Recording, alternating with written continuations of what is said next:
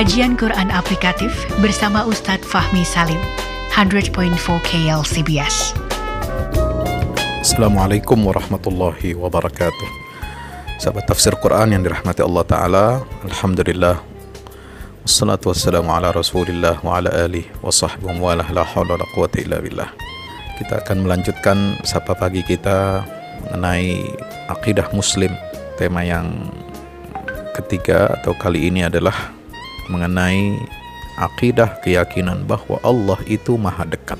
Ya, Allah itu maha dekat.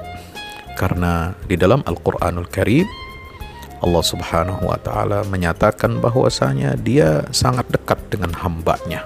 Dalam surah Al-A'raf ayat 56 misalnya, Allah subhanahu wa ta'ala berfirman, Inna rahmatallahi qaribum minal muhsinin.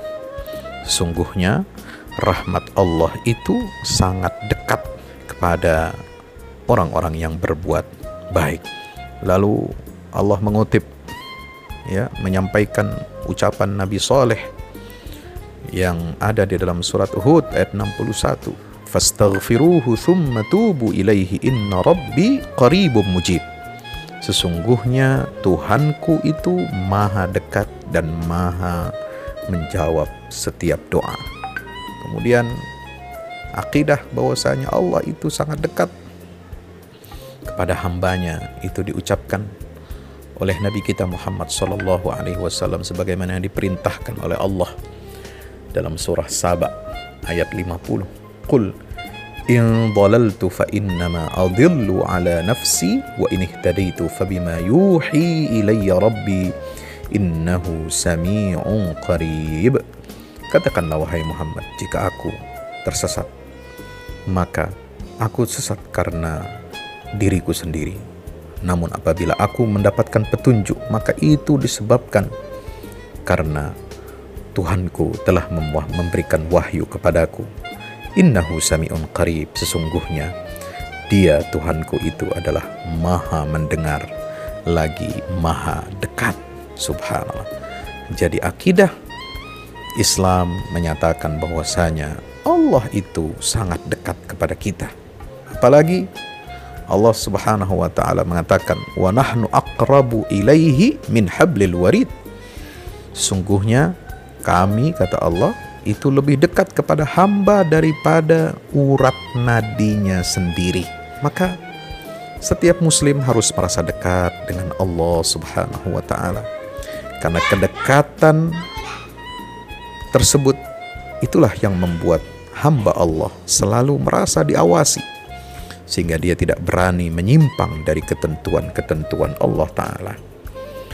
Diriwayatkan oleh Imam Ibnu Jarir dan Ibnu Abi Hatim radhiyallahu anhuma bahwasanya satu ketika seorang Arab Badui mendatangi Nabi Shallallahu alaihi wasallam. Lalu Arab Badui itu berkata, "Allah itu dekat atau jauh?" Wahai Muhammad, bila dia dekat, kita cukup berdoa dengan berbisik. Dan bila jauh, kita memohon kepadanya dengan berteriak memanggilnya. Rasulullah SAW terdiam. Lalu turunlah firman Allah Subhanahu wa taala surah Al-Baqarah ayat 186 wa idza sa'alaka ibadi anni fa inni qarib ujibu da'watad da'i idza da'an li wal yu'minu bi la'allahum yarsudun apabila hamba-hambaku bertanya kepadamu tentang aku katakanlah jawablah wahai Muhammad bahwasanya aku itu adalah dekat. Aku mengabulkan permohonan orang yang berdoa apabila ia memohon kepadaku maka hendaklah mereka itu memenuhi segala perintahku dan hendaklah mereka beriman kepadaku agar mereka selalu berada di dalam kebenaran. Falyastajibuli wal yu'minu bi la'allahum yarshudun. Syarat Allah memberikan syarat agar doa kita diijabah oleh Allah meskipun Allah itu dekat sangat dekat dengan hambanya dan dia pasti menjawab doa setiap hambanya tetapi Allah meminta kita agar kita bagaimana? Falyastajibuli. Hendaknya kita ini selalu memenuhi segala perintah-perintah Allah. Hendaknya kita selalu meningkatkan keimanan kita kepada Allah wal yu'minu bi la'allahum yarsudun agar kita semua selalu berada di atas jalan kebenaran. Subhanallah. Apa pelajaran yang bisa kita ambil dari ayat 186 Al-Baqarah ini? Sahabat tafsirkan dirahmati Allah. Yang pertama bahwasanya Allah telah mengenalkan dirinya, mengenalkan dirinya kepada kita, hamba-hambanya, bahwasanya dia itu sangat dekat, maha dekat kepada manusia. Persoalannya, apakah kita sudah merasa dekat atau belum? Rasa dekat itulah yang membuat kita, sahabat tafsir rahmati Allah, kedekatan itulah yang menyebabkan kita tidak akan menyimpang dari ketentuan-ketentuan Allah. Kenapa? karena kita selalu merasa diawasi oleh Allah Taala.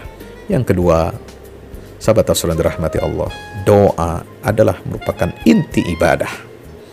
Ketika kita berdoa, maka setiap kita harus yakin bahwa Allah Subhanahu wa taala pasti mengabulkan doa kita. Dan ada satu kaidah yang dinyatakan oleh para ulama, bukan suatu yang penting Allah mengabulkan doa kita, tetapi yang lebih penting daripada Allah mengabulkan doa kita adalah kita sudah mau berdoa itu sudah menandakan menunjukkan bahwa kita ingin mendekati Allah. Itu sudah menjadi ibadah kepada Allah. Kita curhat kepada Allah, itu sudah menjadi ibadah kepada Allah. Kita merasa butuh, kita merasa bergantung kepada Allah, meminta hanya kepada Allah, itu sudah yang paling penting, yang paling pokok soal apakah doa kita dikabulkan itu sebenarnya nomor sekian, nomor dua dan seterusnya. Meskipun Allah tentu saja uji budak watadai daan dia akan menjawab, akan mengabulkan permohonan setiap hamba apabila dia bermohon. Yang ketiga, sahabat yang rahmati Allah, doa kita pasti dikabulkan oleh Allah Subhanahu wa taala apabila kita menunjukkan ketaatan kepada aturan-aturan Allah. Apabila kita mengokohkan keimanan kepadanya dan selalu berada di atas jalan yang benar, di atas jalan ar-rusd, la'allahum yarsudun. Maka itulah doa Ashabul Kahfi selalu kita ingat, kita baca, Rabbana atina min ladunka rahmatan wa lana min amrina rasyada. Ya Tuhan, wahai Tuhan kami, berikanlah kepada kami dari sisimu rahmat dan kondisikanlah wahai lana min amrina rasyada. Kondisikanlah siapkanlah ya mudahkanlah untuk kami dalam setiap urusan kami. Rasyada ya bagaimana agar kami selalu bisa berada di atas jalan yang lurus dan benar Allah alam bisawab Assalamualaikum warahmatullahi wabarakatuh Belajar tafsir Al-Quran dalam kajian Quran aplikatif bersama Ustadz Fahmi Salim, pendiri Yayasan Al-Fahmu International Indonesia, 100.4 KLCBS.